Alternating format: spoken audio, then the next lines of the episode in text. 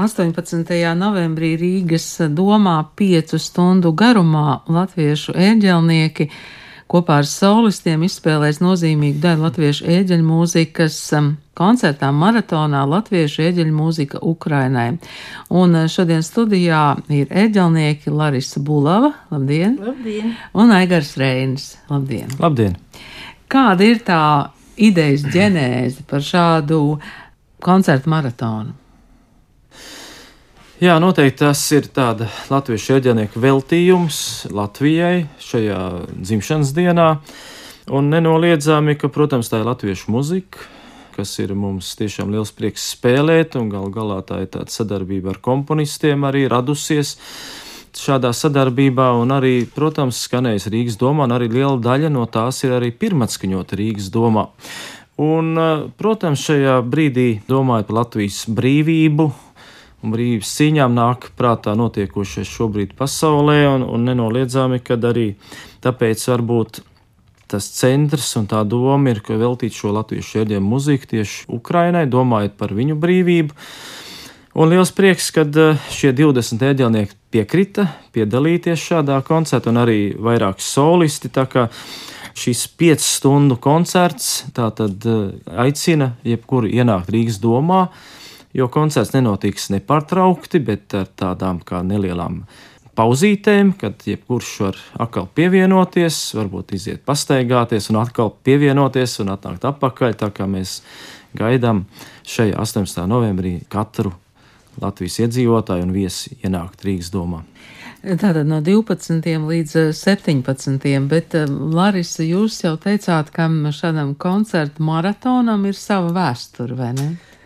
Jā, tas tiešām tā ir. Galu galā, jebkam ir sava vēsture. Bet, ja tagad tā ir ļoti parasta lieta, tad, kad notika, manuprāt, patiešām pirmais Latvijas ēģelnieku maratons, tas ir 1990. gadā. Bet pirms tam es biju bijusi uz festivālu Zviedrijā, saucās Nordorga 90, kur man bija uzaicinājis mūsu visu iemīļotais ēģelnieks Hans Ulriksons. Un šā festivāla ietvaros bija maratona koncerts. Pat, principā es pirmo reizi tādu dzirdēju, bet viņš bija nu, tiešām iespaidīgs. Viņš sākās 8 no rīta un beidzās 12 naktī. Un es negribu teikt, ka es noklausījos visus, bet vispār es biju, protams, ļoti iespaidot no šā pasākuma. Un Hans Ulriksons spēlēja pats pēdējais. Un vispār tā bija polārā diena, ka bija pavisam gaišs. Tas man arī ļoti palika prātā. Nu, un tad, kad es atgriezos mājās, nu, mums, protams, mēs bijām jau pie šo edeļu dienu organizēšanas, un es ierosināju, ka mums arī vajag maratona koncertu. Un man kolēģi, protams, ļoti labprāt piekrita. Mūsdienās ar to nevienu pārsteigt nevar, bet toreiz tā bija tiešām liela uzdrīkstēšanās, un uh, tur uh, mums tas tīri labi izdevās. Nu, piemēram, fakts tas, ka pirmo reizi pie mums varēja atbraukt trimdas latviešu eģelnieki, un viņiem bija arī piešķirti daudzi koncerti, un uh, tas tika ārkārtīgi labi uzņemts, un mēs varējām ar viņiem, sakot, draudzēties, kontaktēties. Tad vēl šo eģeļdienu ietvarā bija arī ļoti interesanti semināri, kur arī piedalījās gan mūsu par Latvijas eģelēm un eģeļu kultūru stāstīja mūsu visu iemīļotā profesore, mākslas zinātņu doktora Ilma Grauzdiņa, kurš diemžēl nav vairs arī ar mums kopā. Un ārkārtīgi interesanti arī bija semināri par interpretāciju, jo Hans Ulriksons, piemēram, stāstīja par mesijānu darbu interpretāciju. Viņš bija tikko kā ierakstījis svētā sakramenta grāmatu, ko es tad dzirdēju Zviedrijā, kad bija toreiz jau. Tas tāds, nu, ļoti iespējams notikums. Tā kā tas bija kaut kas pilnīgi jauns. Tie cilvēki, man gribēties kaut kā uzsvērt viņu nozīmi, ko viņi devuši tālāk mūsu ēdzeļu pasaulē. Nu, tā tad koncertu iesāka Oļģerts Sintiņš, kā zināms, arī viņš jau ir mūžībā. Viņš tajā laikā bija doma ēdzelnieks un arī domkūru vadītājs. Nākošais spēlē Ilmārs Lāms. Un Ilmārs Lāms ir arī īpaša personība. Viņš bija ēdzelnieks ilgadējs vecajā svētās ģērtrūdas baznīcā.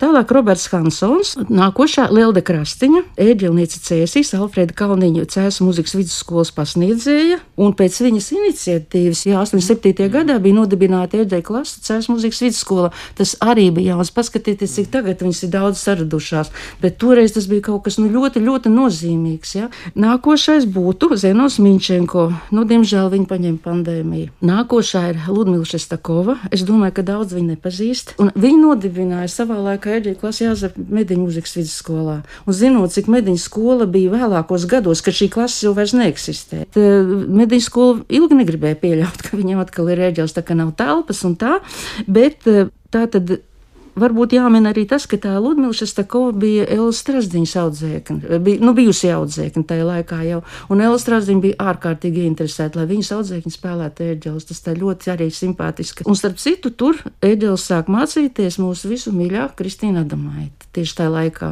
Kur spēlēs šajā jā, jā, jā, jā, jā, bet nu, mēs zinām Kristīnu vispār kā personību, kāda viņa ir izveidojusies, bet tas sākums ir tur tikai tāpēc, ka, lūk, Ludmila Šestakova bija nodibinājuši šo ēģeli D klasi. Nākošā būtu Regīna Kameščikova. Viņa bija tajā laikā, nu, arī koncertējoša ēdelniece, bet eh, kā darbojās koncertmeistara Latvijas konservatorijā, tieši tāpat Lilita Ozola, Mārta Čirkša Ozoliņa, joprojām pedagogs Kuldīgas muzikas skolā un arī koncertē Latvijā, un, protams, arī tur piedalās muzikas dzīves organizēšanā. Ludmila Pāršuta, domāju, arī daudz vairs nezinu vārdu. Toreiz viņa bija ieģelnieks Lūks evaņģēlis Luteriskajā baznīcā. Nu, nākošais ir Atis Stepiņš. Viņš ir mūsu viens no pašiem, pašiem spožākajiem ēģelniekiem bijis, un, un mēs viņu atceramies, un ļoti tādā mīļā piemiņā turam. Bet tajā laikā viņš, būdams vēl daudz jaunāks, bija jau diplom, ieguvis diplomu starptautiskajā konkursā Špējērā. Tas ir Vācijā, kas bija ļoti prestižs konkurss. Un vispār viņš pēdējos gadus, daudzus gadus, viņš bija Svētās Pāvila baznīcas ēģelnieks. Nākošā bija Ligita Arāja, kas tagad ir Sneibe. Un viņa tagad strādā un dzīvo un strādā Zviedrijā, bet arī tāds bieži viesis Latvijā. Mēs viņu arī vienmēr ļoti gaidām. Un toreiz viņa bija ieģelniece jaunajā Svētās ģertrūdas baznīcā.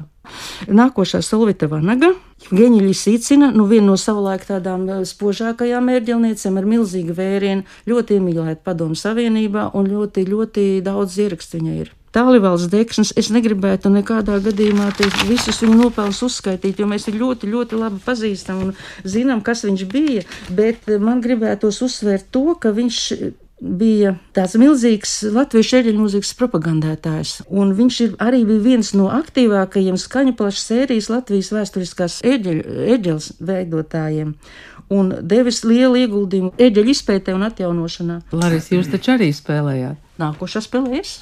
Tagad spēlējies. jā, pavisam bija 18 cilvēku saskaitīt. Mm -hmm. Tagad nāk Aivars Kalējs. Es arī domāju, ka neprasu komentārus. Viņš ļoti jau toreiz bija mīļots sēdeļu komponists un ir arī tagad ārkārtīgi iecienīts. Jā, viņš ir tik daudz spēlēts. Un vispār Aivars arī ir viens no lietpratīgākajiem Latvijas ēdeļu un ēdeļu kultūras pētniekiem Latvijā. Pēdējā spēlē jau Vita Kaunciema Arī viņa, manuprāt, viņas vārds komentārus neprasa. Viņa tagad ir mūsu ēģeļu klases vadītāja, viņa ir Latvijas ēģeļnieku ģildes vadītāja, izcila ēģeļniece, bet tajā laikā viņa jau bija divu starptautisku konkursu laureāti. Viņa bija Polijā otrā vieta un Kievā pirmā vieta. Un koncertu noslēdz lūk viņa duetā ar Aivaru Kailu. Nu, tā tad 90. Jā. gads un šis uh, maratona koncerts, bet uh, Latvijas ieģelnieku ģilde turpināja šos maratona koncertus Jā. rīkot. Vai? Jā, šī vēsture ir diezgan plaša. Viņa turpinās arī tālāk un, un noteikti arī domājot dažādām lietām, piemēram, par Rīgas domu prospekta atjaunošanu, tāpat Liepājas, Annas baznīcas ērģelēm domājot un, un citām aktualitātēm. Es... Tāpat tām Rīgas vecās svētās ģertūdas baznīca arī mēs rīkojām mm. tādu pasākumu. Tas noteikti ir tas, lai pievērstu lielāku un plašāku uzmanību mm. dažādām aktualitātēm. Šajā gadījumā varbūt šogad vairāk tieši latviešu ēdieļu muzikai, kā tādai ērģelniekiem un arī šim vācot un atbalstu tieši Ukrainai šajā brīdī. Kā mm, šogad veidojas tā koncerta programma un dalībnieki un secība, ērģelnieki izvēlas eh, kādu skaņdarbu viņi spēlēs vai kā tas notika? Jā, mēs ļāvām brīvu vaļu ērģelniekiem, katram piedāvāt savu šo skaņdarbu. Un arī droši vien rēķinot, ka varbūt eh, nu, būs tiešām daži cilvēki, kas piecas stundas varbūt noklausīsies visu koncertu. Jā, tā tad Šis ir atvērts pasākums, kur, kur katrs var ienākt un kādu brīdi pabūt Rīgas domā un, un baudīt latviešu ēģeļu mūziku. Laris, ko jūs izvēlējāties spēlēt? Es izvēlējos Imants Zemzera pastorālas vasaras flautē. Man ļoti mīļš skandarbs. Un jūs ko spēlēsiet?